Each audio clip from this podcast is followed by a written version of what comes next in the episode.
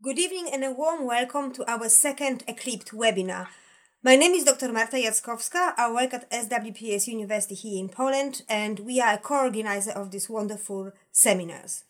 Um, just to remind you very briefly that the main aim of our webinars is um, to promote EACLIPT and also to create a common platform that can bring together EACLIPT members, clinical psychologists, researchers, practitioners and clinicians who are interested in and passionate about mental health. Uh, today, in a few seconds, uh, we are going to be very privileged to uh, listen to a very stimulating keynote lecture from Professor Claudi Bockting, who works at Amsterdam University Medical Centers, and she's, of course, the president of EACLIPT.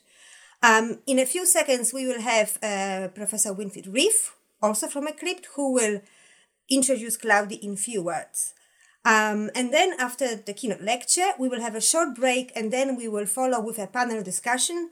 And again, we are very privileged to have an amazing panel uh, that includes Professor Cristina Botella, uh, Dr. Maria Karekla, and Dr. Uh, Eiko Fried. And again, we are spoiled to have Professor Winfried as our host. And last but not least, uh, warm welcome and um, good evening to all listeners who have joined us live to, to watch the debate and listen to discussions. Um, please use the chat function available on the YouTube channel and ask questions. We will try to answer as many of them as possible. And thank you for listening. And now over to you, Winfried. Good evening, dear colleagues. Uh, it's a great pleasure to welcome all of you and uh, to welcome you to our second uh, webinar we decided uh, to talk about the topic of basic concepts of mental disorders. Just imagine if we have a wrong platform for our diagnosis uh, and for as a concept for mental disorders, then maybe all of our research uh, might not lead to a successful end. That means we ha have to reflect about the common ground of, of our uh, concepts of mental disorders and to to think about whether we have to improve it or whether we have to change it. There's a lot of agreement nowadays that our current approach to classify mental disorders using uh, categories of, of psychopathology might not the best platform to process and to progress in our field. And therefore, I'm very happy that we'll have a, a keynote lecture of Claudi on this topic and a panel discussion late, discussion later on with Christina, Maria, and Eiko. Claudia is our president of EACLIPT, uh, which is already indicating that she's a really, really important person. Uh, she published many studies on depression and also on e-health interventions. And currently, she, she's also the director of a Center for Urban Mental Health, which is a real great, uh, fantastic center that has been established in Amsterdam together with different uh, universities contributing to it. I have to uh, tell you a little anecdote about Claudi. During the last years, whenever I started with a new topic, I was searching the literature for it, and it was always a publication of Claudi that indicated to me, oh, Claudi is working on this topic since several years. So I'm too late to be really innovative, but I have to follow the route that Claudi has opened, and this was always a very good way to go. So I'm very happy, Claudia, that you will present your ideas today. So I will be uh, at, at, the same level as you, and uh, we are really uh, looking forward to it. So welcome, Claudi. The stage is yours. Thank you very much. And this is also the editor of uh, Clinical Psychology Europe, and it's really nice to hear that the editor actually thinks I'm an important person. I'm not. I think the whole board is very important to represent uh, European clinical psychologists, whether it's clinicians or researchers or scientists, petitioners, so that we have a voice not only when it comes to research money, but also in the European Parliament. But I was not allowed to talk about that, so um, I would like to talk about something else. And now I go to my slides, and probably you you see them. I want to talk about zooming out And um, the title is Zoom Out Understanding the Onset and Maintenance of Common Mental Health Conditions Using a Complex Systems Approach. And I, why, yeah, what I would like to do, I want, want you to take a bit on a, like, yeah, a bit of a route, some thinking, I, some ideas, and I want to share it with you. So why is it important to think about other approaches? Now, there is an urgency, and this is something from history. These, this was from the World Health Organizations, published uh, a while ago, I think in 2015 or something. And there they already alarmed us that the number, the actual number of people with depression and anxiety is increasing worldwide. And, and these are the common mental health conditions. And some of you might argue with me and say, no, you have to add as well addiction. And you're right about that. The top three of the common mental health conditions indeed are anxiety, depression, and addiction. Now we're facing the COVID pandemic, and what you see here on the left are the, the increase of prevalence rates of depression, and on the right of anxiety disorders. And what you clearly see a sharp increase of the prevalence of anxiety disorders and depression worldwide. You see some differences per country. Um, but it's important to be aware it's not only because of the virus itself, but also partly because of all kind of policy uh, that many of you in Europe also were confronted with. For instance, what about a lockdown or school closure, or what again, like closing the pubs at five o'clock or something like that. So you you you clearly see an association between a decrease of mobility and lockdown and all these kind of things and an increase of uh, depression. So it's more urgent than ever to think about mental health. And we are here all, yeah, with all of you. And, and probably you're very interested not only in mental health, but also on what to do about it. And in this presentation, I want to start with making the case why we should zoom out and move beyond simplification. And I will also discuss a bit, yeah, what would be pathways, what, what would be ways that we could think about that we could do this. I want to stress that it's important that we focus on actionable links for interventions and also for policy making. And I also want to make the case that maybe we have to zoom out from focusing on the individual a bit more to also to the society. And I want to stop or end this talk with why research is still needed. And this might for some of you be a bit of a bummer, but I think research can actually be done partly in clinical practice. So then it's not uh, the one or the other.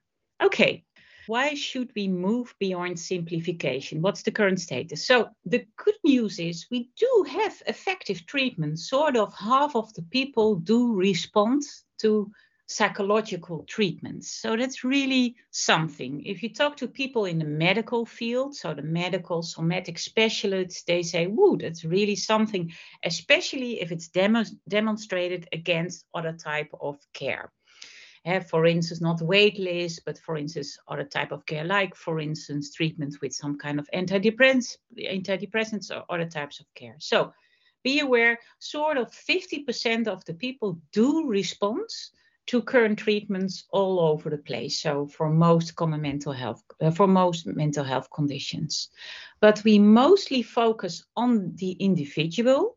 And now I see already some people disagreeing with me. Okay, I go along with you. Of course, we include sometimes the family or we have even even a family family therapy. And also sometimes we include schools or neighborhood and so on. But we hardly ever ever intervene on a societal level. And there is a bit of a problem because our the effect sizes of our treatments actually did not increase over time so if you're a very, very positive person, you could say uh, the last 30 years it did not increase. And be aware, we're already in 2020, 20, yeah. So since 1990, no increase. But some of us or some experts say no, it's already since the 70s, 80s that you do not find any indication that there were new interventions that were more effective. And maybe some of you now say, ho, ho, ho. What about acceptance and commitment and mindfulness and EMDR?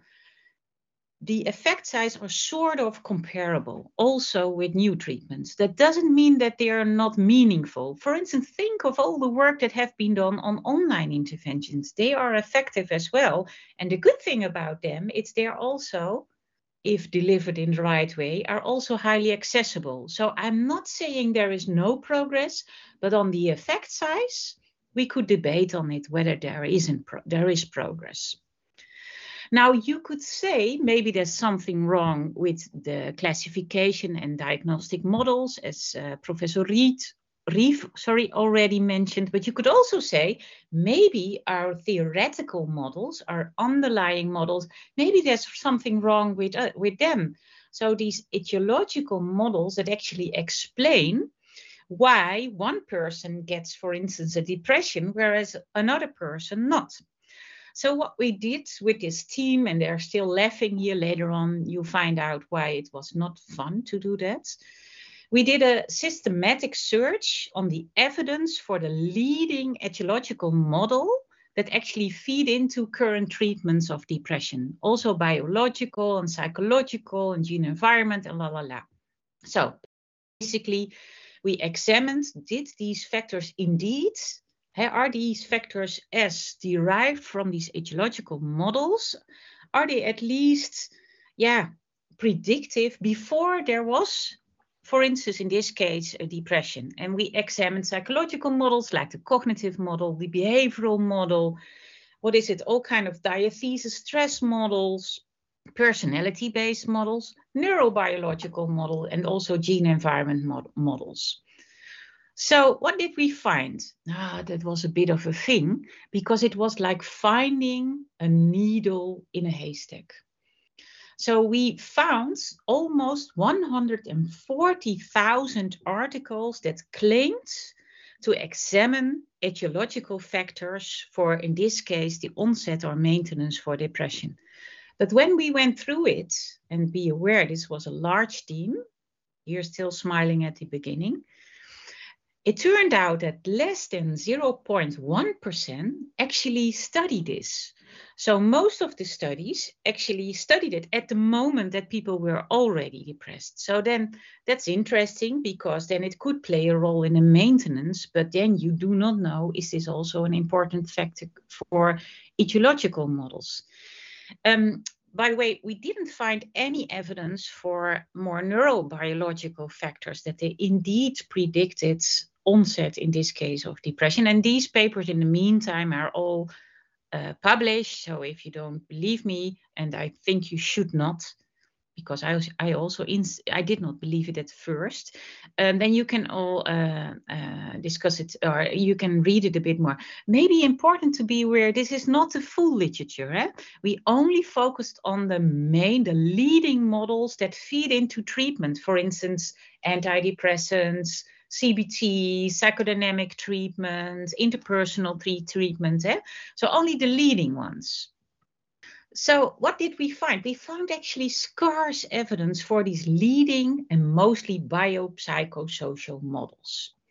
We did, by the way, find some evidence for the cognitive model. It was quite consistent, and, and you do know that many of the studied interventions are actually cognitive behavioral uh, therapy. And yeah, so the cognitive part, there is indeed some evidence there. And what is even more important and surprising, the majority of all these studies, and this has been reported before, did study no more than one or two factors. And this is interesting because we did a whole interview round with all kind of experts in the field internationally. And then we asked them, okay, what kind of factors are important for the onset and maintenance of depression? And almost everyone said, yeah, these are biological factors, psychological factors, social factors. And this also includes, of course, what is it? Trauma, uh, life events, but also, for instance, social economic status. There was actually no one that said there's only one factor. But interestingly, the majority of the study only focused on one of one or two factors. And now at the moment, with the Center for Urban Mental Health, we are actually performing or conducting a mega meta study with help of AI. This is impossible to do by hand. And then we do not only focus on these leading models, but actually on all factors that somehow were mentioned in all kind of models for anxiety disorders, addiction, and also depressive disorder. And then we also include uh, other environmental environmental factors, like for instance, social the neighborhood or urbanicity on and all these kind of factors. There are no results yet, but I think we had about three to four million uh, articles that claim to study that. So uh, I think in March or something we will be able to uh, show you some first presents uh, results. So you might consider mental health conditions as complex systems. Uh, there's one thing many of us agree on, but not everyone, is that you cannot find a single underlying cause for a mental health condition, even not for something like schizophrenia. And usually it's defined by, by the symptomatology, having symptoms. So most of you yeah are aware of the DSM and the ICD. So so in a way you you collect you you ask for symptoms and then if there are symptoms and there is an like impact on daily life, then you classify one of those conditions. And the problem is that we clearly know also because of a lot of work like Eiko Fried, who is also one of our panelists later on, but also Denny Borsboom and many others, that one symptom can trigger the other. For instance, I wanted to say, imagine you don't have a lot of sleep, but of course, all of us should have had some time that sleep was not so good. Then, if if you don't sleep well, it can have an effect on concentration. You have concentration problems, but also in my case, if I don't sleep well, I also get a bit low. I get sad mood, and especially if it's continuing for a couple of days. And sad mood can trigger, for instance, suicidal ideation. This is just some examples of how having a symptom or experiencing something can trigger other symptoms. And before you know, know it, it spreads it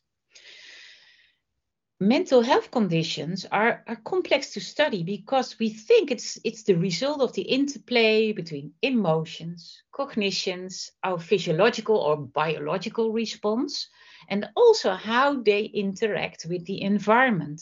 And also our environment is not static at all. Every day something new happens, right? Um, so you could perceive this like a sort of a dancing system that is constantly moving. So it changes over time. And you can imagine that these changes over time can also be different per individual. So that might be hard to study. And it's also, uh, now, sorry, I'm only here to raise problems, but later on I will be a bit more optimistic, I promise you. But, but also, if you have symptoms, if you feel low, for instance, if you feel really sad, this already has an impact on your cortisol levels. And this has an impact on your stress axis, on the HPA axis. So having symptoms already has an impact on factors that might also play a role in triggering it. Another example, feeling sad also gives you a bit more talent to have negative cognitions, right? And that again, now, I think you get the point. So bringing this all together, you could say it's not static, it's dynamic or more a dynamical system. So maybe we have to perceive mental health conditions or mental health problems as yeah, very challenging uh, conditions that are maybe defined as complex systems. Now, there is um, in other fields of science, they actually um, they actually try to work with all kind of dancing systems. And um, the field that is working on that is actually complexity science. And complexity science um, is applied in many fields. For instance to explain criminal networks what's the best way to target a criminal network? Should we wait till we have al capone? Or should we maybe um, uh, target at another place? And I can predict you already, we shouldn't wait till we have Al Capone. It's better to target somewhere a person that cannot be easily replaced, like the electrician, because if you wait for targeting Al Capone, the criminal network learns and gets more aggressive. I'm not allowed to talk about this right now. Let's go back to mental health. But it has also been used to explain frailty in elderly or to explain mass mortality among fish in shallow lakes. And it has already been applied uh, in mental health to explain, for instance, comorbidity. How is it possible that so many people have comorbidity, not only, for instance, anxiety, but also depression, or not only PTSD, but also addiction? And you can maybe explain this by that one symptom triggers the other and the other. And this has been done, for instance, by uh, studying symptom networks like for instance by Denny Borsboom, Angelique Cramer, many, of course, Eiko Fried as well, Laura Bringmann. There are many, many that work on that. And not only on symptom networks, but the cool stuff is they're now also replacing the symptoms by psychological mechanisms, for instance, avoidance. Okay, so how can we move beyond the simplification? And what do I mean with simplification? that you focus on one to two factor and just you act like there is no world around this person with other influences. First of all, I think we have to embrace the complexity and we have to zoom out literally and use our knowledge as clinical psychologists because we do have a lot of knowledge that we know, for instance, how to intervene in the individual or in the direct environment, in the family, also to intervene maybe or think about intervention on societal levels. So think, for instance, about policy level interventions. And we have to zoom out, break free from our clinical psychology departments or psychology departments. We have to connect to other disciplines. So, and one of the things that we try to do in the Center for Urban Mental Health, which is an interdisciplinary um, center of the University of Amsterdam, and there we are daily confronted with computational scientists, with complex system scientists, with sociologists, with, of course, also neuroscientists, psychologists, whatever but also people who actually do nothing else than and, and uh, working on how to create a new part of the city, city, like urban planning and architecture and so on. And what we try to do is a basic framework that actually zooms out, that actually tries to map all these factors that might be of importance, not only the individual factors that we study, uh, many times, for instance, affect fluctuation or cognitive, like your, your beliefs or schema, but also behavior, but also on social level, like the impact of the family. Of course, we've done that also many times in our field, but also the impact of school interventions and so on, but also more on a macro level, you could say. You could examine the impact of city factors, but even on a national or on an international level. And what we actually try to do is how all these feedback, uh, how all these fat feed, uh, sorry, how all these facts feed into for the individual, but also have a feedback to, for instance, the onset of symptomatology, but also spreading of the symptomatology forth and back. And this is just an in initial framework. And from this on, we actually do all kind of PhD projects that actually focuses on, on part of it. So for instance, some people work on microbiome target, targeting microbiome to see whether this might have a good effect on affect uh, fluctuation, but also some work actually on more urban factors and examine what's the effect on this. And the cool stuff is there are a lot of methodology, mm, sorry, methodologies that try to actually connect all these levels as well, because that's not so easy. Okay maybe you might think, okay, that's nice, but what about the actionable links? Yeah, the main reason why we do this is we have as main mission to find new um, actionable links to develop interventions as well as to see whether we can develop policy interventions. So, what we are discussing and thinking about and doing studies and where to, where would be the optimal target. And I just want to say to you, I don't know if you see my pointer, but I think many times we target here or here. And I just want to challenge the field of clinical psychology maybe to target a bit more on this level. Because then we can be maybe reach far more people than we we are used to. So that is the main reason why we work on this because we want to explore where to target it best. And also we do some simulation part and so on to, to find this out. Now you could think like, okay, this is too ambitious, this is not impossible. But the opposite, we actually were confronted with like very recent. We're in it right now there are some lessons learned from the COVID pandemic. And the main lesson, now there are many lessons, I'm very sorry, but one of the, the main message, yeah, messages that, that at least I came up with is that policy actually has an enormous impact on mental health. In the beginning, I discussed with you that the prevalence of anxiety disorders and depression worldwide is enormously increasing with COVID. And there seems to be an impact of policy making on this increase. So we do find indication, and there was just recently a meta-analysis out on this topic that clearly showed, for instance, school closure has an enormous impact on the increase of prevalence of mental health conditions. And the same holds for probably lockdowns and um, all kind of other measures that has been done policy measures. And now you could say, of course, that's the opposite.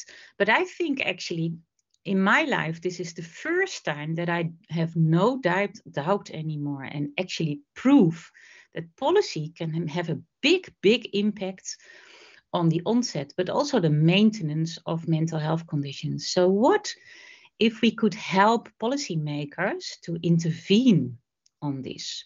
And this could have a big impact on the prevention, but maybe also on the curation of mental health conditions. Later on, we do have a panel discussion, and uh, maybe um, there will be some discussion on this, and I will fight for this position. Okay, but maybe now I go back again on what complex systems could offer us to innovate our interventions and maybe also make it more effective. So let's go back again to targeting individual levels because many of, many of us do treatments of individuals. Now, I already discussed that there are, it's possible now to create um, yeah, individual symptom networks.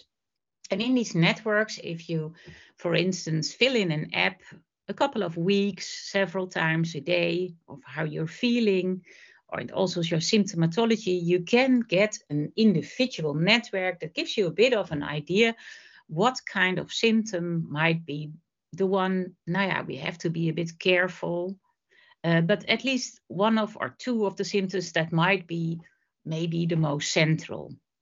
And the idea is maybe we can intervene on that. Uh, and, and, and there are now some ongoing studies that actually examine that. What if you personalize intervention based on these individual networks? Is this indeed then more effective than what we already give them at this moment. Now, I give you, uh, I, you are now confronted with an example of a study um, that we work on. It's the Stay Fine study, and there we personalize. Now, we, we developed a supermarket of apps, and each app targets a different mechanism. So, for instance, one is focused on exposure, the other is behavioral activation, the other is cognitive restructuring, the other is positive affect. Now, anyhow, and then based on individual symptom networks in combination with a sort of psychological passport that is made together with all kind of um, yeah questionnaires we used many times people get a personalized advice to um, to take one or the other um, uh, app or a couple of apps. For instance, if sleep is more central, then they are advised to at least start with the sleep app in combination with some others. I have to be honest, there is also shared decision making. So if someone says, yeah, this is the automatized advice, but actually I really do not want to work on my sleep, then they're allowed to let go. Uh, and this is actually this study is conducted in young people between 30 and 21 that have experienced anxiety disorders and depression before. And the main goal here is to prevent relapse. We still have to wait and see whether this is effective. So um, actually, um, uh, young people really like it, therapists really like it. This one is uh, supervised or guided by by peers who uh, have lived experience. They also like it. But yeah, in the end, it's nice they like it. It's important they like it, but we still have to wait and see whether this indeed offers more effective treatment than what's out there or than no personalization. So this is just to give you some idea what is going on in the, at the moment, and we have to wait and see.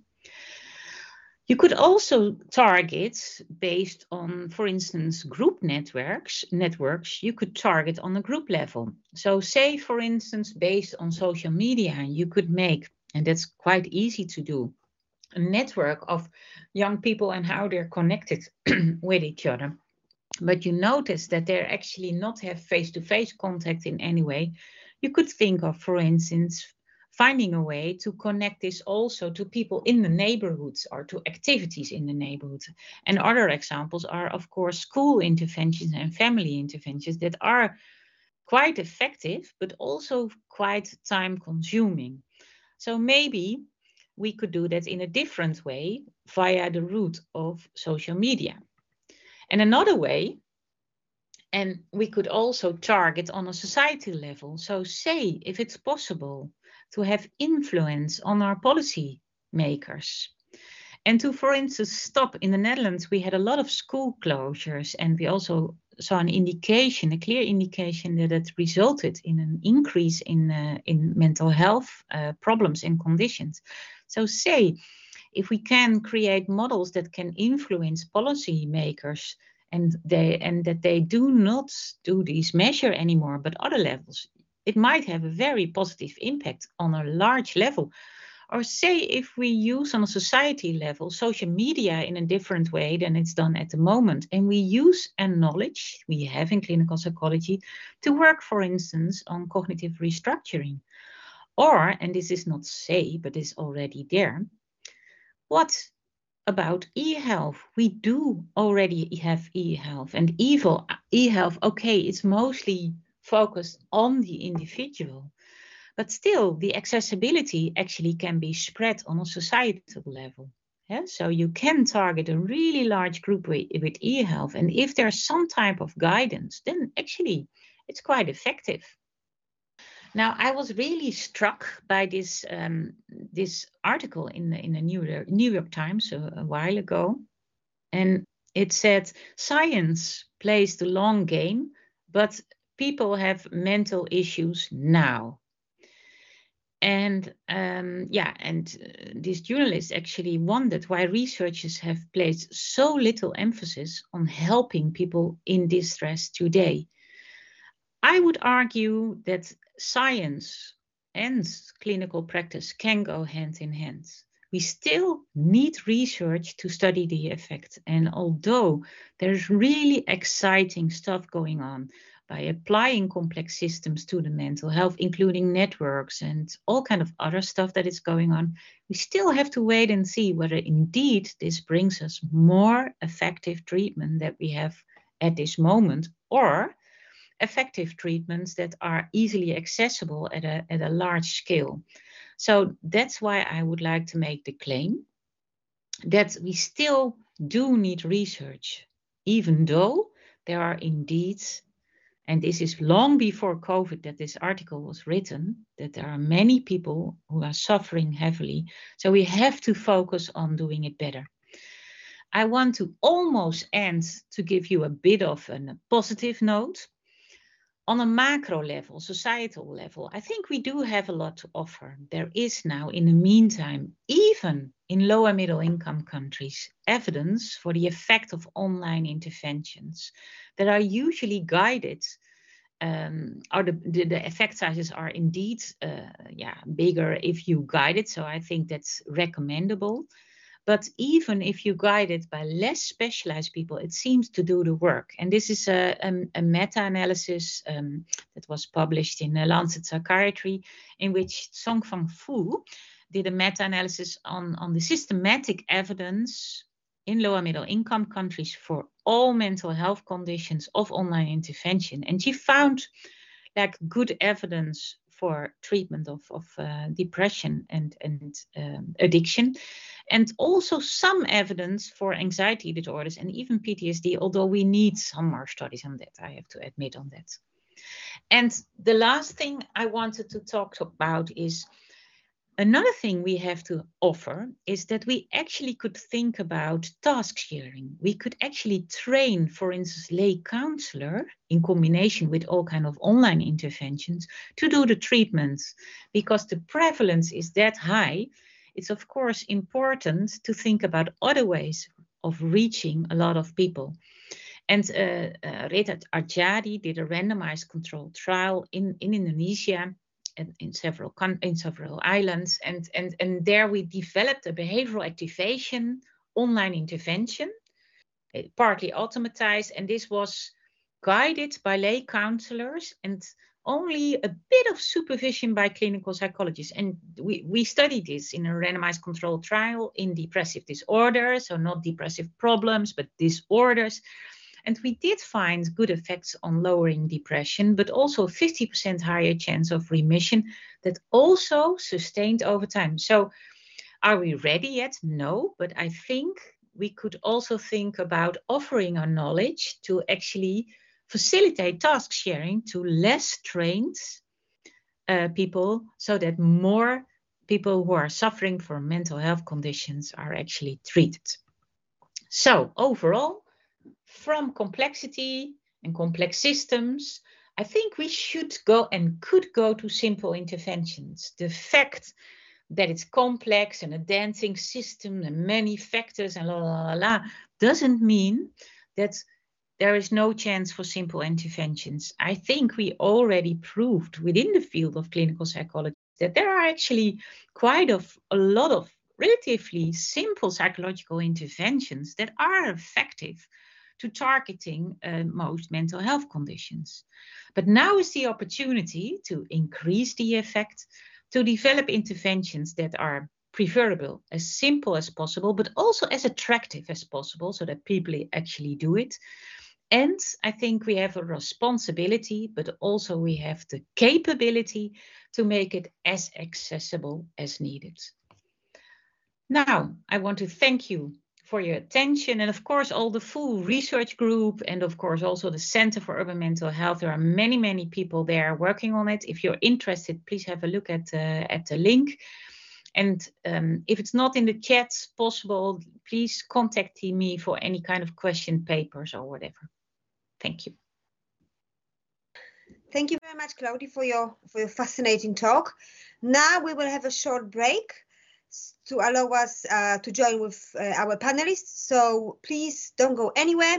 Have a coffee or tea and come back uh, in a few minutes. Um, and thank you very much uh, to the audience for listening us live and for posting questions and comments on the chat. See you soon, very shortly. Thank you.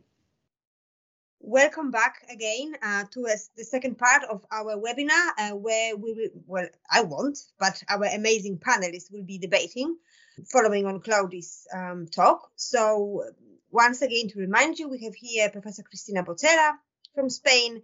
We have uh, Dr. Maria Karekla from University of Cyprus in Cyprus. Then we have Professor Eiko Fried from Leiden, Netherlands. And then, of course, we have Claudi Bockting from Netherlands and our wonderful host, Winfried. So, Winfried, over to you. Thank you. Thank you for these uh, friendly words. Uh, welcome again. And first, I want to thank Claudia for her really stimulating talk. I think it's so important to have people like you who broaden our vision uh, and, and bring our attention uh, not only to the very little things we are working every day with, but to, to the broad connections in our societies. This was really very stimulating. And this brings us to the topic of our uh, panel discussion.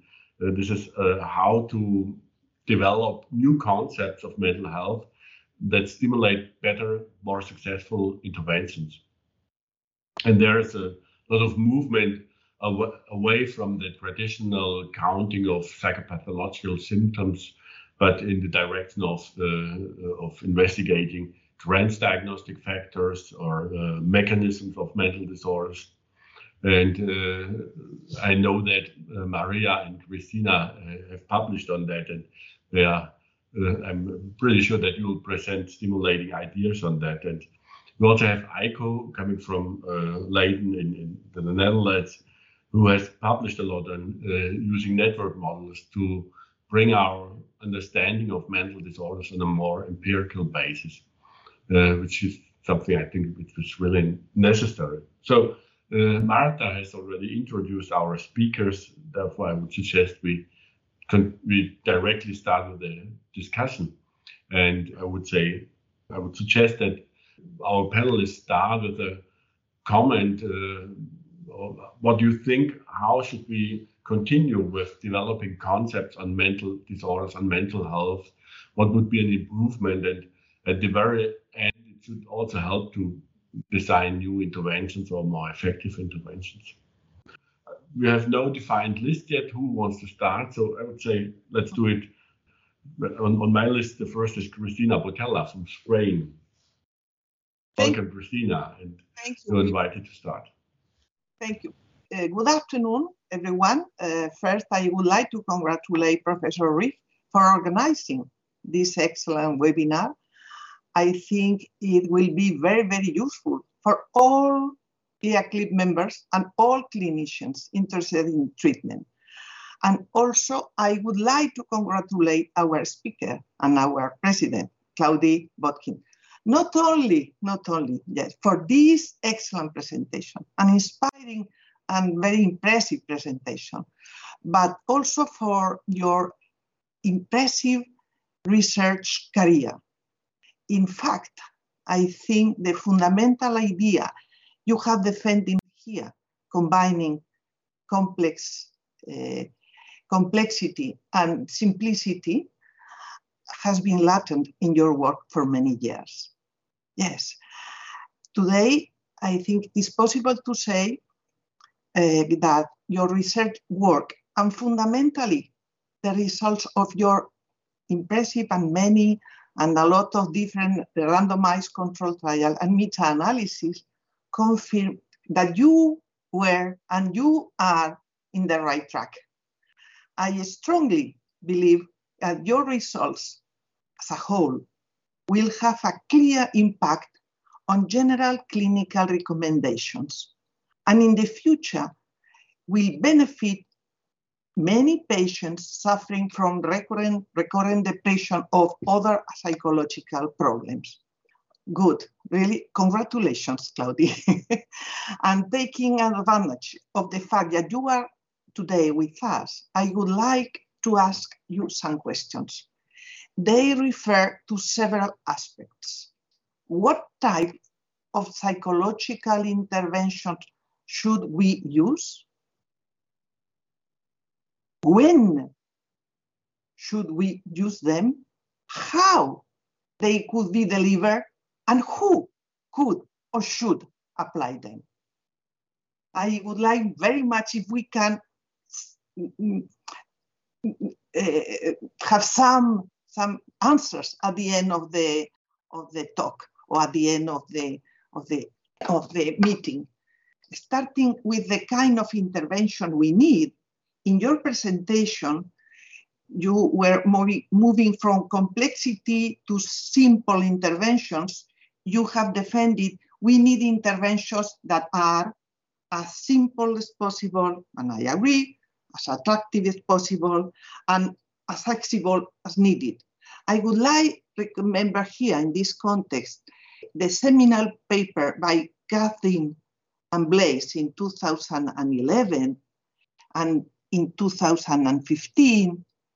explaining that, in his opinion, the characteristic that should have the, the psychological interventions we need in order to overcome the one-to-one model, to apply one clinician, one patient, one clinician, one couple, one clinician, and that is going to complexity. We need inter. Well, no, no. Uh, uh, he says we need intervention that reach everyone in need, scalable, the capacity to be applied of a larger scale or even larger scale than individual therapy, uh, relatively cost eh, compared to usual treatment, convenient, that is possible to be integrated in people's everyday life, uh, the possibility to expand, eh, to, to, to reach much more uh, scalable, to reach much more people, to, to be applied in the, or to bring the interventions to everyday settings. Uh, also, you say, and I agree, acceptable uh, uh, to, to consumers, that is pot potential clients, potential uh, patients, and the therapist. Flexible, the different ways of deliver these kind of interventions, and also in your meta-analysis uh, in Indonesia, you use non-professional workforce. And this is crucial in order to be able to get everyone in need. I would like we were able to talk about these possible characteristics that should have our interventions.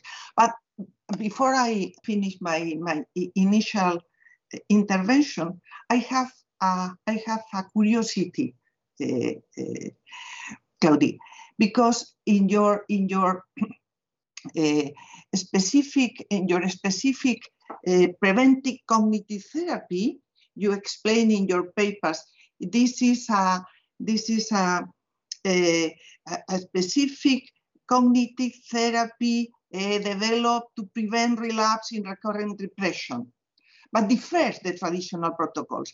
And I, I, I didn't have the opportunity to, to read the global protocol, but for your description, I, I recognize you are including positive affect strategies, no? Strategies to, to, to, to improve positive. And I would like to, to, to know your opinion about the, the, the work done by Michelle Craske and her and her and her positive affect treatment in order to improve anhedonia and in depression. Uh, a, a, an intervention, she says, designed to specifically target deficits, deficits in reward sensitivity. Okay? And this is also related, and I finish here, with the possibility of using, uh, uh, that is taking into account the, the important uh, comorbidity we can find in, in the mental, uh, in different mental disorders, what is the possibility or your opinion about the possibility of using transdiagnostic treatment protocols?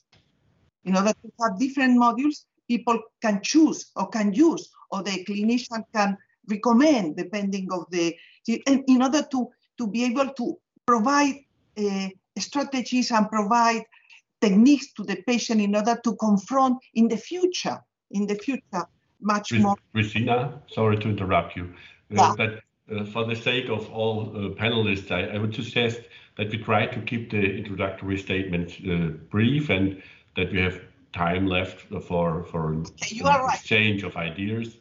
Thank but you. ask all the crucial questions uh, that we might not solve tonight, but that are really important to, to be addressed, and I'm looking forward to the comments of the others.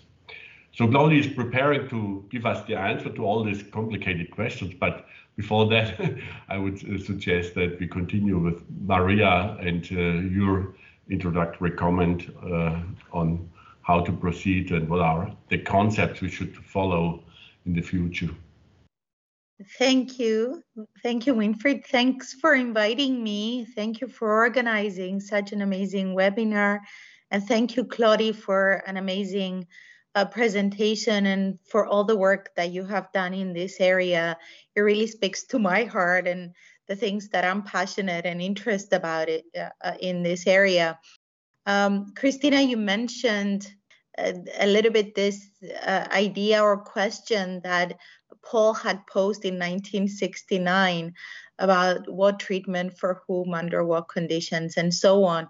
And um, this this brought to me um, to my mind uh, this kind of like newer question posed recently by Hofmann and Hayes in 2019, extending this question: what core biopsychosocial processes should be targeted with this client given this goal in this situation and how can they most efficiently and effectively be changed? So I just wanted to pose that there as well, that we take this together into consideration um, and to start exactly, you know, examining some of these things that both Claudia and Cristina pointed to. That maybe we need to start moving towards targeting mechanisms in research and practice, like moving away from the idea of just, you know, targeting symptoms and syndromes and signs and all these things that we've been um, kind of like confined as well in our uh, you know conceptualizations of, of conditions and uh, how to intervene and start to examine uh, the events in context like the both the historical situational context uh, collecting data in multiple ways across all these different levels and and modes um, and across time. I heard before uh, in the break Eiko was mentioning you know collecting ema data for two years. And i think that's so amazing and impressive. And you know this is the kinds of things that we can start to look at you know these kinds of you know behaviors and difficulties across time uh, to be able to start deciphering and and to put things like exactly into into context. So examining these events unfolding over time with more intensive type analyses and testing it across all these multiple analytical levels. So i'm i'm really excited by all this work being done and all the work that claudi already uh, presented to us. And i look forward to discussing all these also questions that cristina posed. Um, and I'll pass the floor on to the next speaker. Thank you, Maria, for this clear plea for better focusing on mechanisms, on, on personalized approaches. Uh, I think this is this comes from the heart of most of us. Uh, so thank you. I want to hand over to, to Eiko uh, because maybe you bring another uh, perspective to, to mental disorders that has not been mentioned yet and uh, maybe a little bit with Claudia's uh, approach of complexity. So I'm excited to, to, to listen to your ideas about uh, future concepts of mental disorders. Thanks, uh, Winfried. Thanks for the invitation. I'm very humbled. It feels like it was yesterday when I was a student and I was reading Claudi's papers, and now I'm here to discuss um, discuss with her uh, complexity science. I'm, it's fantastic. Um, I'm not clinically trained, right? So I um, did a PhD in psychology broadly. I'm a researcher. I did internships with, with some patients and so forth. But unlike most of you, I'm not clinically trained. I'm an outsider here. And so maybe an outsider's perspective is helpful a little. Um, because when I read papers in graduate school, everything seemed so oversimplified to me. And Claudia highlighted this in her talk. Most research papers talk about one risk factor or one disorder. And it seems so bizarre to me growing up in, in academia that people would think so oversimplified. Right? There's a lot of recent work that most of you will have read. Um, the, the one egregious example that I use in my papers is an ADHD paper from 2017 on neuroimaging, where the authors quote in the abstract that AD, that they find systematic differences between people with ADHD and healthy controls in uh, neuroimaging. Therefore, ADHD is a disorder of the brain. Like these sort of statements you see everywhere in science. And then you know, I grew up, I became a postdoc, and I started talking to clinicians. I started talking to people who wrote these papers, and they all said, no, no, no, no, we believe into the biopsychosystem social approach. And as Claudi mentioned, right, um, she they interviewed so many people, all of them said, no, no, it's a really complex world. And so I only learned then that there's this divide between how clinicians practice psychotherapy, how psychiatrists often practice uh, pharmacology, and how we write research papers. And that was kind of odd to me to, to see this divide. Um, and I think we're not doing people justice, and I think it's harmful to oversimplify.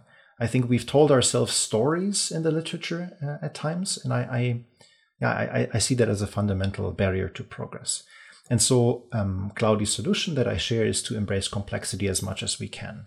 Um, and so, maybe my way forward, Winfried, I would propose um, for treatments is that if you embrace this idea of complexity, of systems, of networks more, all of a sudden you open up an entire library of areas that have worked on this before, from physics to ecology to environmental sciences to cancer biology and so forth.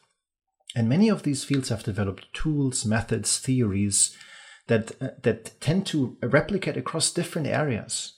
And so I think that gives us new levers to understand mental health as well, because it's quite possible that some of these methods, tools, levers, interventions, and ideas will replicate or work out in mental health interventions as well. And so that is my question for Claudi, basically. What, I mean, you know, I could talk about early warning signals, critical slowing down, and so forth, some of the keywords that, that some of you might have heard about. I can elaborate on this further later, perhaps, but I would, uh, my question for Claudi would be what what of these tools, measures, approaches, theories she thinks are most promising to possibly develop new, new interventions moving forward? Thank you, Eiko. Claudia is nodding, so uh, we are looking forward to, to uh, listening to all the answers to these many questions that have been posed to you. but we don't want to over challenge you. uh, but uh, what, what's your idea about all these questions, Claudia? Yeah, many ideas. Uh, yeah, and first of all, I'd like to thank you for your overly kind words. It feels like um, we can go to my funeral now. So no, it's the end of the career, and I could. I'm not that old. Like, no, no. I perceive myself, by the way, as an intervention. Uh, I'm interested. What can we do to make sure that people do not need to suffer severely from mental health conditions or not so long or do not get it back. So I perceive myself as an intervention developer, researcher, clinician. And the only reason why I'm into this is because we actually, yeah, you have to go into the fundamentals because no one believes what we actually wrote down for, for decades and decades. It's an oversimplification. We have endless amounts of research lines that that for, but you could say on the other hand we probably need that also so we needed uh, uh, uh, decades of specialization to be able to get next to get to next steps so it's also a bit of a ritual to be able to have hope and get to some kind of knowledge. And from that on, we think, okay, how to move forward now? And I think personally, to start with the positive side, it's really, really cool that we do have effective treatments. It's really that's let's start with that. So if you talk to medical specialists, they they most of them say, Whoa, that's really impressive. So you study that in randomized controlled trials, and there are control groups for them. That's very important. And you still find an effect, sort of, half of the people. And still, okay, we can debate on that and on control groups and anyhow. But this is also on an individual level that, that patients actually report. So let's start with that. It's not that we do not have nothing. This simplified approach actually brought us a lot of knowledge and also the knowledge that we can make a difference for a relatively large group. We're not too good in the prevention stuff, by the way, in preventing uh, common mental health conditions. So we're trying, and there is some music here and there, but we have to do better on that. But overall, the treatment for most common mental health, we're doing relatively good. The only thing is, like, the discoveries have been done mostly, oh, oh, by the way, not by theory work and so on. Although I know I I, I have to be a bit, um, yeah, um, bit careful now. But most of them were actually coincidence. We we found out, not we, our ancestors found this out coincidentally, for instance, with behavioral activation and even cognitive behavioral therapy. And then later on, we thought of the theoretical background and then worked on it. And then here and there, we found some some evidence. And the same holds, by the way, for more the psychodynamic oriented or client centered or whatever. So, now anyhow, so I just wanted to make the case that also the simplification that we've done for a long, long time and the specialization also brought something. But now I think it's really the time to zoom out and be aware we also did not have a lot of options to zoom out. I had a bit of a strange hobby for a long time. It was a it started uh, a long time. I, I think about 15 years ago. And and in this hobby uh, so so i went uninvitedly to to I actually i imposed myself on on conferences on computational science and computer science and all these kind of guys were especially men there. And i i actually begged them to have only a little bit of a talk on mental health. And and actually there was only it was one message take us as a big data or complex system problem and so on.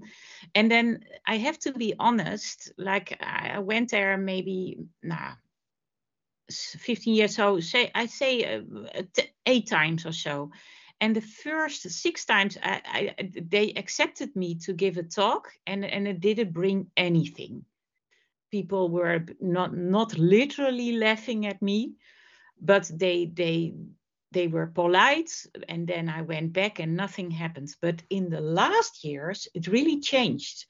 So also those those those technical oriented people were very interested in mental health but also collaborating on this. So what i'm saying is there are now far more opportunities to also embrace the complexity. And we do have more opportunity opportunity to get a bit of a glimpse what's actually going on in the wild in daily life and there, of course, are a lot of problems, so, but that's really different.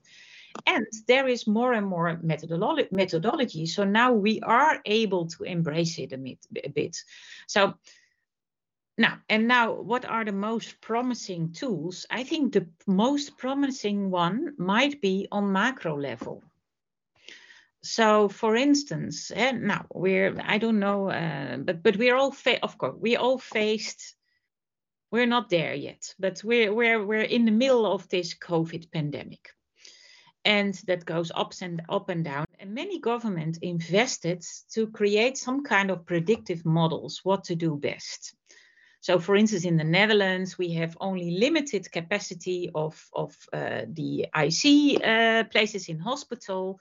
So they used models, simulation models, to get a bit of a bit of a predictive model to find out what if we have an evening clock, what happens to the capacity in the hosp- hospital. Now, this now, and my clue is these kind of things we could also do for the impact of policy level policy making on mental health and then we're sort of talking the same language. And then we could think about what if we intervene here and there. There is a famous example in Iceland where they invested on in, in the whole country because there was a huge problem on uh, with addiction and they invested in Iceland in, in, in free sports and the cultural life and so on. And I know it's still debated, but there seems to be good mu- good effects there in preventing addiction in young people. Of course, we have to wait and see. We're not there yet, and Iceland is not the whole of Europe, but it's an example of using knowledge from the clinical psychology, trying to use this knowledge to get to public campaigning, but also all kind of policy on a social mm-hmm. level and maybe on a higher macro level. So I think there is a lot of music there. And for now, yeah, I do work also on some studies on personalization, and it does make sense as a clinician because I think every clinician will say, I always personalize because it's impossible to to to do something with a patient that this person thinks that doesn't make sense. So for us it's yeah we always personalize but we do not do this on empirical grounds. So it would be very cool if we are able to do that on empirical grounds but only if treatment is more effective. So i'm also too much of a researcher to know so that I, I don't know. For instance in the in the world in the cancer in, in if you look at the progress in cancer and personalization right? There is progress in in that um, most some of no not most some of the cancer treatments chemotherapy can be personalized and this way it's more acceptable for them so you are less sick so your quality of life is a little bit better. But when I talk to the specialist on cancer, they say, yeah, but we didn't, we were not able to prolong lives. So, and that is a bit sobering because, yeah, I, so now to sum up, yes, uh, I do think that personalization might be a logical thing to do. I think that most therapists already do that. It does make sense if we do, could do that instead of on intuition on empirical empirical grounds, because a lot of the clinical intuition is sometimes not always the way the good way. Eh? We have some evidence on that. So, but we still have to wait and see whether indeed this brings more effective treatments. And then effective, I don't care about what you call to be effective. That could be the quality of life, or that people think it's important to go back to work or able to feel love again. That's really up to the individual, but I think that's uh, very important. And then maybe the next point that Maria and also Cristina mentions yeah, we have to know when, what, by whom. It has to be flexible, it has to be real time, uh, it has to be as little as necessary, but you have to scale up at the moment that it's necessary. It has to be something that has to be there lifelong because many of the mental health conditions unluckily are something that they, they return they relapse and this is not only for depression but also for addiction and many others.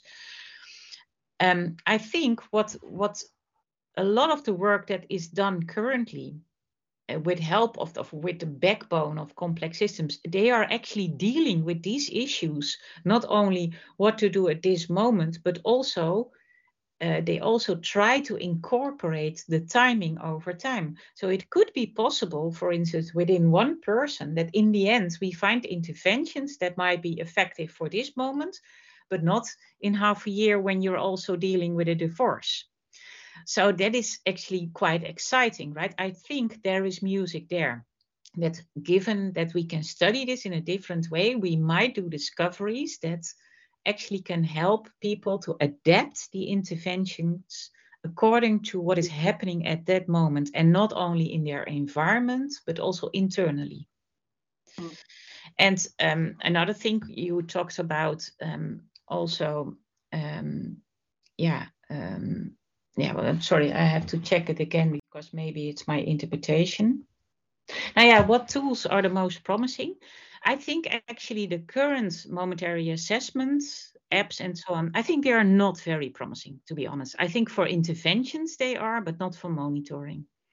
Most people are not able to do this on the long term. And if they do, they are really the outliers. They are probably, yeah, probably the most uh, obsessive compulsive people in the whole population, right?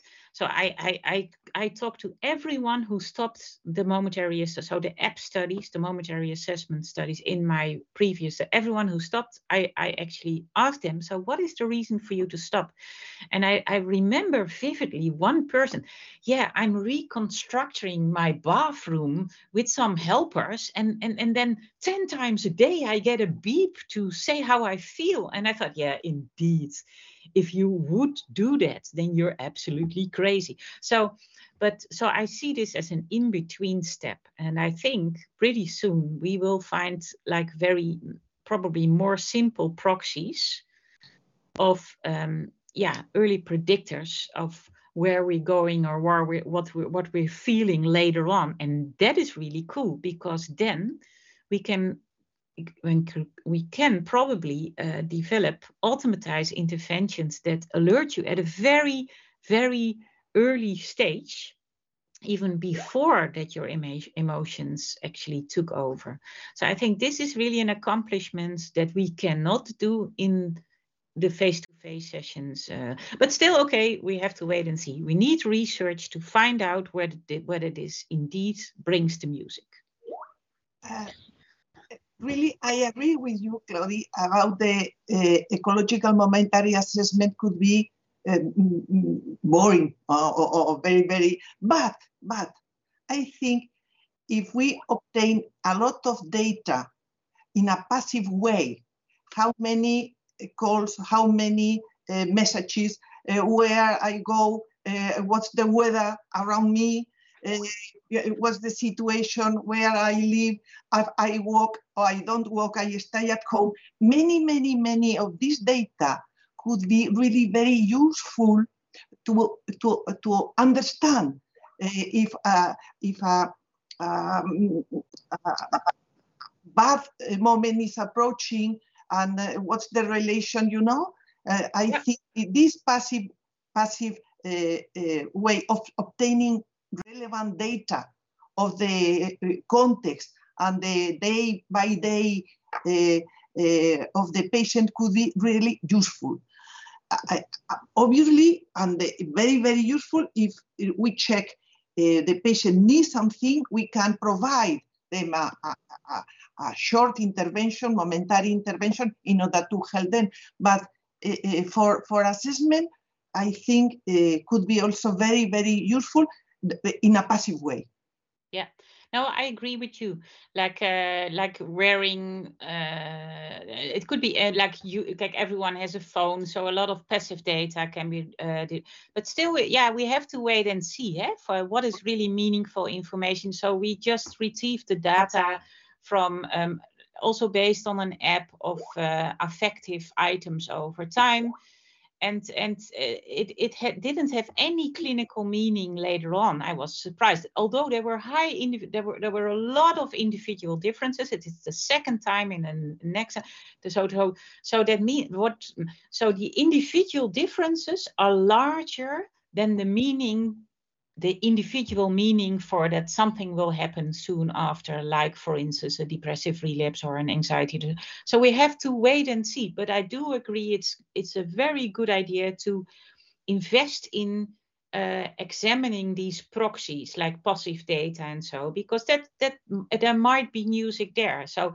I think we have a huge research agenda that might have immediate effects on early signals when something is going wrong and that you actually can maybe partly automatize intervene on it. I see Eiko raising the hand. Yeah, I, just wanted to comment on the EMA and the feasibility, Claudi. I uh, share your concerns there, of course. Um, we've done this in a few clinical populations now, people with psychosis even, and it's incredibly difficult for them, of course uh, to keep the focus, to maintain the concentration, to do this multiple times a day or even once a day. Um, so I really see the promise here in uh, predicting future onset personally, because then you can do it with reasonably healthy populations um, who are not uh, functionally impaired too much, who, who have the capacity maybe to carry out these tasks a little easier. And um, yeah, so I, maybe that's not intervention, that's prevention. But I think EMA is a more more likely candidate to be a successful tool there than compared to monitoring, as you say, which really is burdensome. And if we think of these disorders as recurrent and severe and chronic, we can't monitor somebody, you know, for 20 years using their smartphone, at least not with um, with EMA data. Um, so passive sensing will come in there and so forth. One short other comment. Um, uh, Claudi knows that in my lab we're doing this right now, and I just wanted to add how much information we get from qualitative EMA data. So we're asking see people just a couple very simple questions. Many of them will write five, six, seven words about current activity or with whom they are right now, or simply what's your worst thing today that happened or your best thing last week that happened. And why it'll be challenging to analyze this for obvious reasons. it's remarkable how much information about a, a person's life we get from both, uh, you know, standard quantitative EMA data, but also qualitative EMA data in people, granted, who can do this two, three, four times a day for a period of multiple months. A good point. Yeah, yeah I think I can I respond to this just briefly because I really like this part because I just wanted to add like sometimes we we we think of really cool stuff right? And it's technology technology and la la la. But but i think the good comparison is actually compare it to simply ask one question how do you feel for instance? And see does it do better than that? And if this is the case then you then it might be something if you indeed are able then to prevent onset with, with some interventions, right? So I think there's a huge uh, research agenda with very good ideas. So I think as, as a community, we, we really need to, to, to, to yeah, to go on stage and really ask for really large, large, large funding to work together on this uh, because we have to make a difference for individuals and not only in the cure but also in of course in the primary prevention part there's another thing i would like to add Eiko. I think that ema or momentary assessment with an app actually does have something to offer to offer that we didn't have before because you might be able to predict what will happen that day or the day after. Whereas many of the epidemiological studies predicted that some that that something happens in two or 20 or mm-hmm. 30 years. And that's not so interesting because we're quite good in in in in we know the risk groups. We don't need more studies on who is the risk group or not. We know.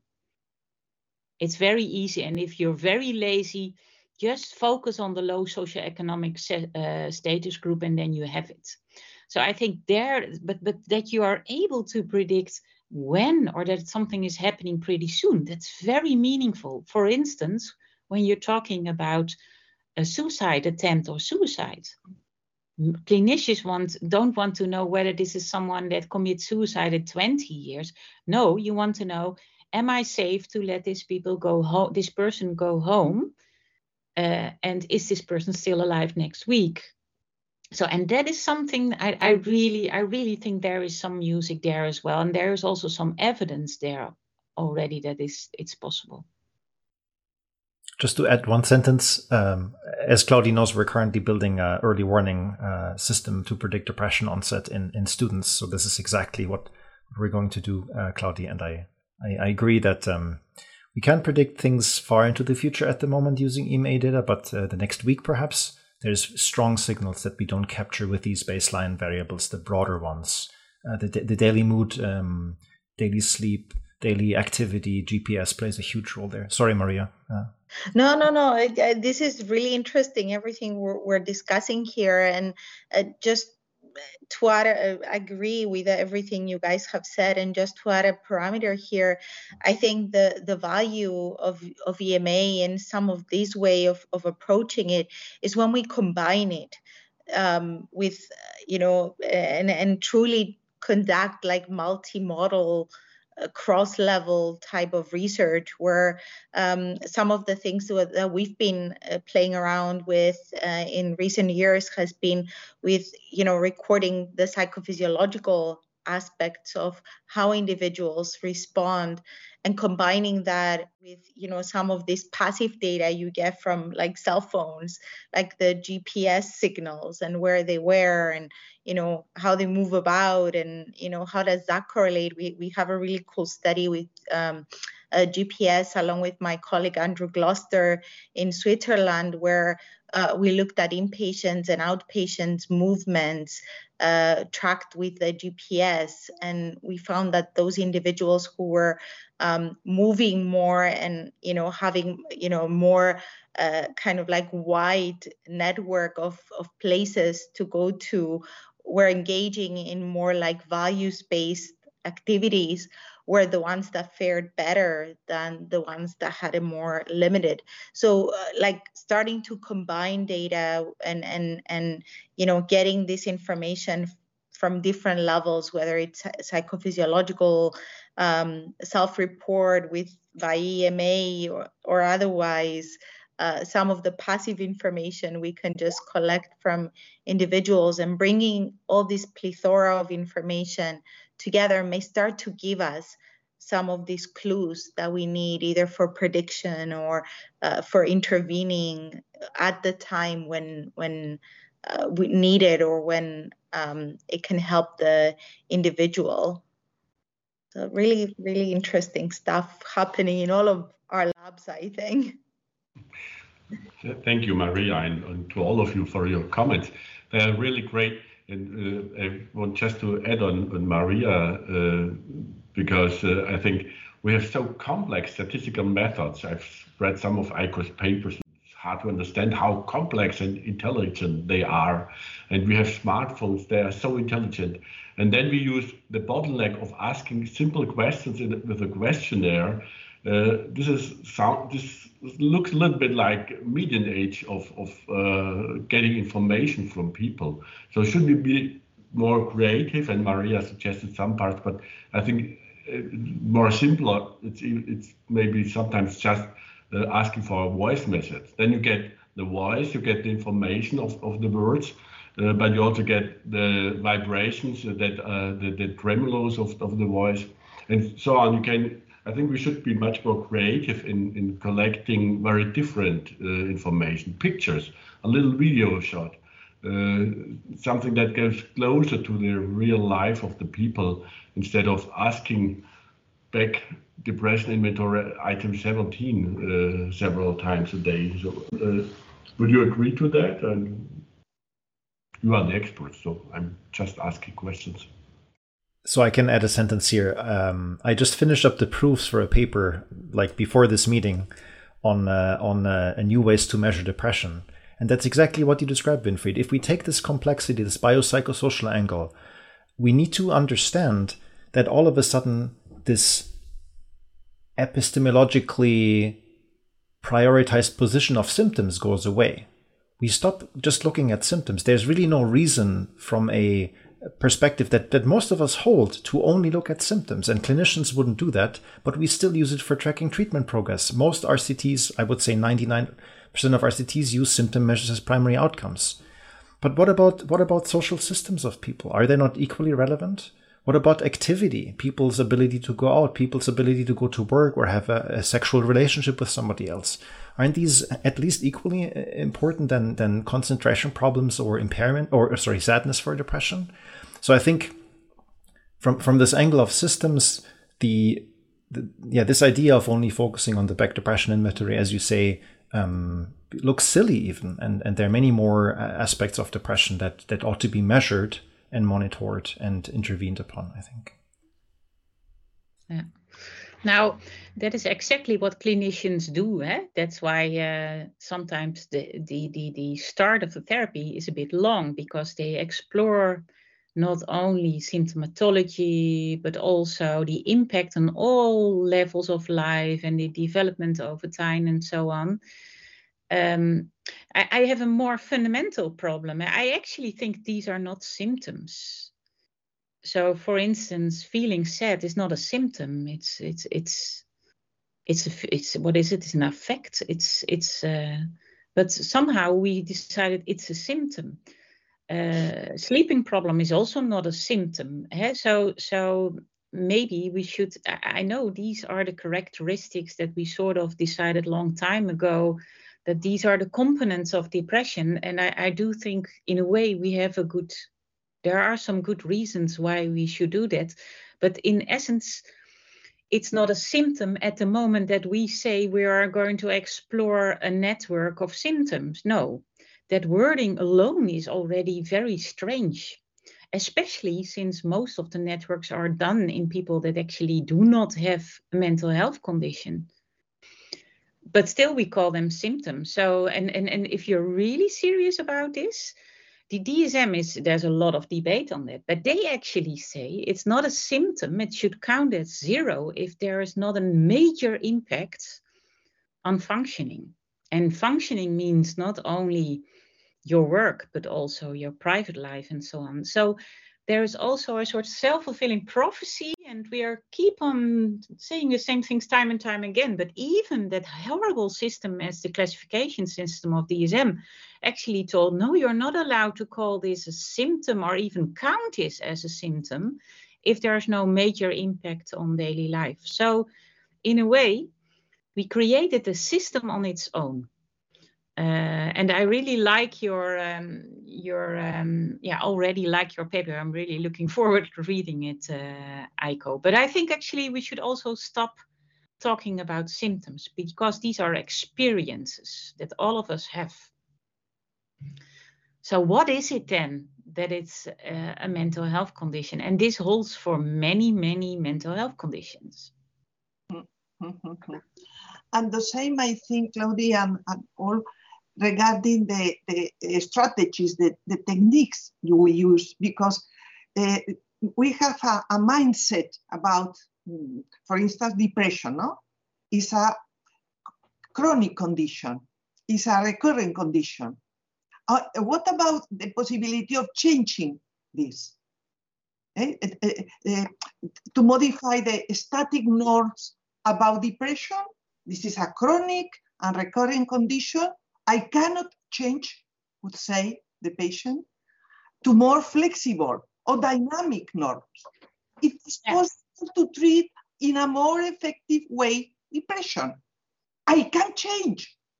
For this reason, I think it is very important you explain and you say also uh, uh, to, to, to, to be in contact with other disciplines. I think social psychology could be an excellent candidate Gregory Walton uh, wise strategies for, for very small, specific, and simple strategies could be really useful for mm-hmm. promoting change.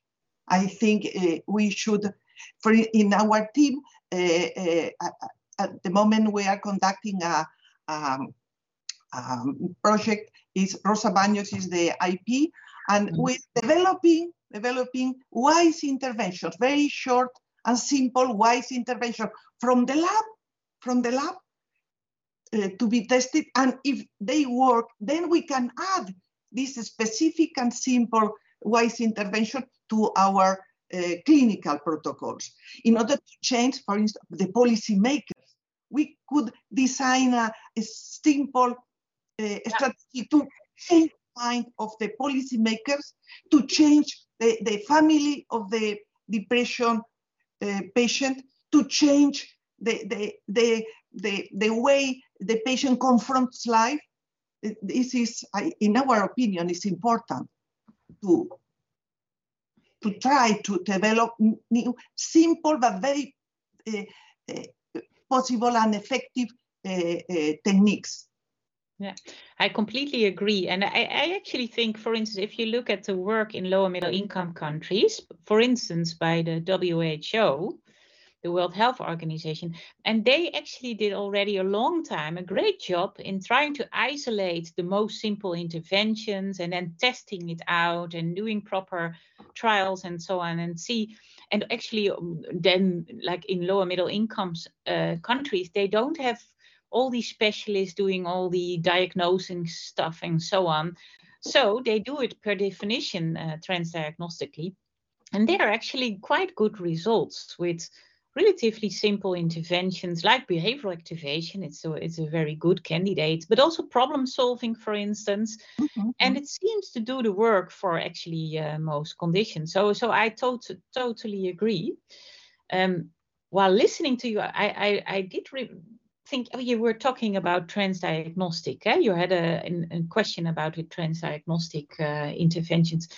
I actually think, but but but maybe I'm now a bit too pessimistic. But I think actually the most transdiagnostic um, intervention out there is CBT it's almost boring if you look at the evidence like every it's almost like of course in the meantime we specialized and we have all these specialized protocols.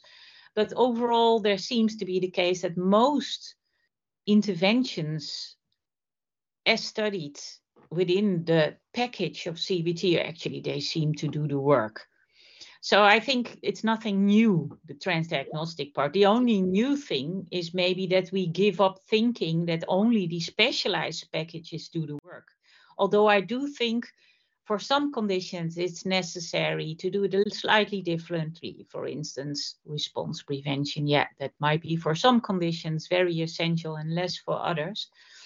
But I think yeah, and there was the debate last time at this webinar. It was a great debate between uh, uh, Stefan Hofmann and others. And, and one of them said, yeah, but where's the evidence that is indeed more effective than what we already have, for instance, in this case, CBT or other psychotherapeutic orient, orientations. And that's we still have to wait and see. So personally, I don't see any innovation from tra- transdiagnostic interventions because we're actually in there already for 40 years or more since the 70s. So yeah, that's a bit my my. Uh, so I think we have to do better, but that's very personal. Claudi, I think the the problem there was that you know a lot of the protocols developed, uh, you know, utilizing CBT was CBT for this condition, CBT for this other condition. Exactly. And it, it made it seem like it's very kind of like compartmentalized. So I think in reality, if CBT is a transdiagnostic approach, but I think kind of like the newer thinking is to move towards what you were alluding to earlier as well, like this more like kind of like more process based, like what Hofmann is proposing recently, along with Hayes, uh, and and also targeting the specific mechanisms rather than you know looking at conditions or syndromes or you know clusters of symptoms together. And yeah, yeah. you know, I I I think that's where things have you know become problematic because then it led to like this cookbook book approaches that you know I just go find this protocol and then apply it. And it yeah, should completely work. agree completely agree. But and and uh, I'm, I'm it could also be the case that it doesn't matter where you hit the system. So it could be the case that we're focusing all the time on these specific mechanisms that we have to target right and then there is the music. But if you if you look at at all the studies that that have been done on the evidence for working mechanisms, eh, it's still a bit okay, there are a lot of methodological issues. So you could say, okay, we couldn't demonstrate it because almost all studies are underpowered to actually find this specific working, mechanism of an intervention. So that is one route you could explain, or you could take the other route and say, maybe it does work specific interventions, but it doesn't work via the mechanisms that we actually hypothesize. So maybe it's not so important. Maybe it's important that somewhere you have this this system with all these kind of problems that someone is facing with mental health problems and somehow you have to you have to change this system. And it, it maybe it's irrelevant where you hit it.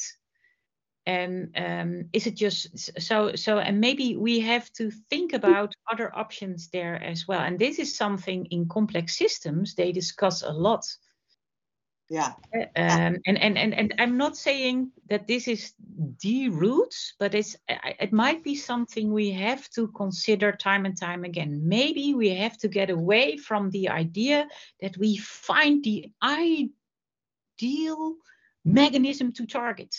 Maybe there it could be that there is not the music. Yeah i'm not sure eh? i don't know but i think this is a challenging thought I would I would agree that uh, it's uh, it's an ideal to think about simplified and, and isolated mechanisms.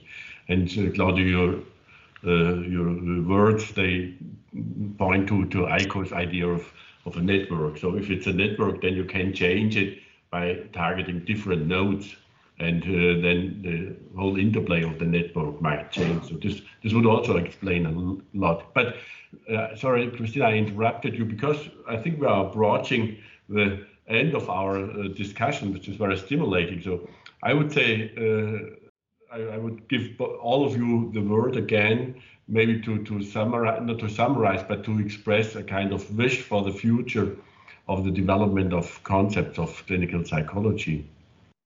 Uh, so it's we had in, in with clinical psychology in Europe we had a Christmas edition and we asked you and others to express a wish for the new year and many of you did. So if you did read it you can read again uh, our editorial. So now it's time again to express some wishes uh, but now it's more the time to express a wish for for the progress of our field. So maybe Claudi I, I uh, give the word to you first because you had our introductory talk, so uh, you can also open our final round. Yeah. Now, I also, I especially want to use these words for all the young people that are listening, because I, I want to tell you all this. Really, our field at the moment is maybe the it's it's such an exciting time frame there are lots of opportunity to discover all kind of new things and not only toys for the boys or the girls but also really new things that might open up uh, all kind of options for new interventions to prevent or to treat mental health conditions. So i really expect breakthroughs and um, and i think the way to do that for that we need the older people.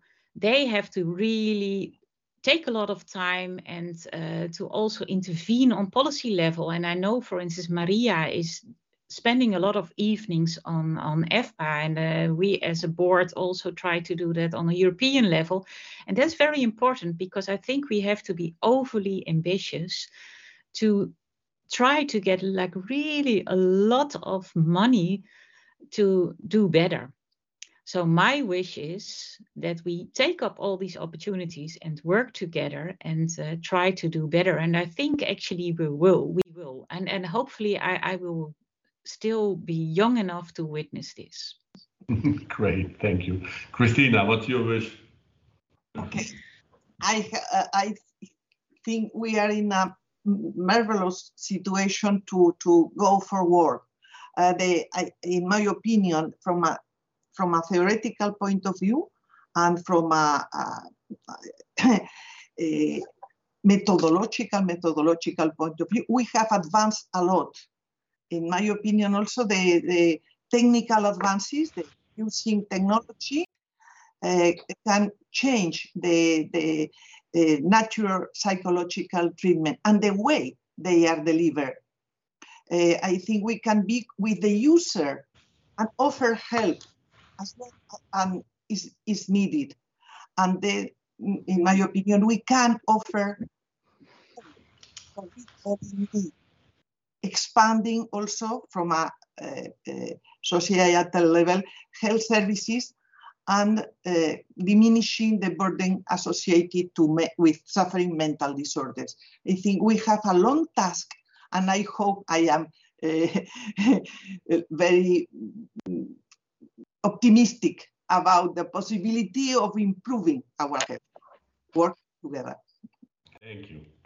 Maria, what's your idea? Um, th- thank you. I think uh, what I come out of this with is hope hope for the future with such discussions and such opportunities for us to come together and discuss this and and and think things through and you know open our minds for you know new possibilities new ways of looking at things new collaborations new avenues um, at, at all different levels. Like claudi presented from like the individual all the way up to society i think it's really exciting and and you know um, i come out with a lot of hope for the future and for all of us to engage in all this to materialize all these possibilities that our profession can offer uh, to the world. Oh, thank you for these positive words. Eiko, what's your final comment? So two two brief two hopes or wishes. Um, thanks, Winfried. Two specific hopes or wishes. The first is as somebody who has had a career of a few years reanalyzing data, I wish we were better in sharing data with each other. Mental health disorders are really complex things I'm collecting a huge data set at the moment. I'm going to share that because it's bizarre to think that I would be the most qualified person on earth to analyze my data. There's so much information in mental health data, so Um, and I know privacy is an issue, but it is not a bigger issue than in other areas of medicine where people do share their data more. So I think I would like to to stress, you know, open your file drawers, work with your colleagues from other departments, share your data. And the second point is something Claudi brought up: um, symptoms. I think language use has been a barrier in our field. I think we're keeping very few of us here today believe that depression is a unique, clearly defined thing that is the same for every person and fundamentally different from anxiety, from schizophrenia, right? Most of us believe that these are descriptive, possibly useful heuristics that categorize people in some way. But I think the way we use uh, language in papers, risk factor for depression, genes for schizophrenia, and so forth, we keep reifying these concepts, and I think it's it's problematic and dangerous and stands in the way of sort of embracing the complexity. I have no solutions for this, by the way. Claudi I tried with components and elements instead of symptoms, and reviewers keep pushing back on that in my papers. It's not going to be easy, but I'm at least for, for myself, I hope we can think about the language we use a little more and maybe make progress that way. Thank you. Thank you to all of you. I think what we have heard tonight is the discussion at a breaking point, at a tipping point of our field. Uh, science has a first uh, uh, task to, to simplify things, to develop rules, uh, and we can think about Newton's principles of mechanics. So, but science has a second task to recognize when uh, the time is over for these simplified models and when we have to do the next step. And I think this is the point we are now, and which came, which became very clear in all of your statements. So, I'm really grateful for your stimulating uh, comments. Uh, and uh, so thanks again. Thanks, I think, for the, from the whole audience. and I'm looking forward to our next panel discussion. So people, please get registered and maybe Marta can even announce the next date that we already that we already fixed. So I hand over to Marta, our fantastic organizer of all these events, uh, and uh, so uh, Marta, maybe you have some last words. Um, thank you. I'm just one of the organizers. I'm not the only organizer. As you know, it's a huge effort and it's a collective work that we do. So from me, a massive thank you to all of our panelists for your inspiring but also humble discussions and for your honesty that things are difficult where they are. And I, w- I wish to thank the audience for asking questions, and we were able to answer some. And then um, our next webinar is in middle May, and I believe it's 17th of May, um, and that will again be a Tuesday. So watch the space. Um, I, I can promise you that it will be another fascinating and honest and humble talk. Um, so thank you very much. We will see you again in three months. Good night.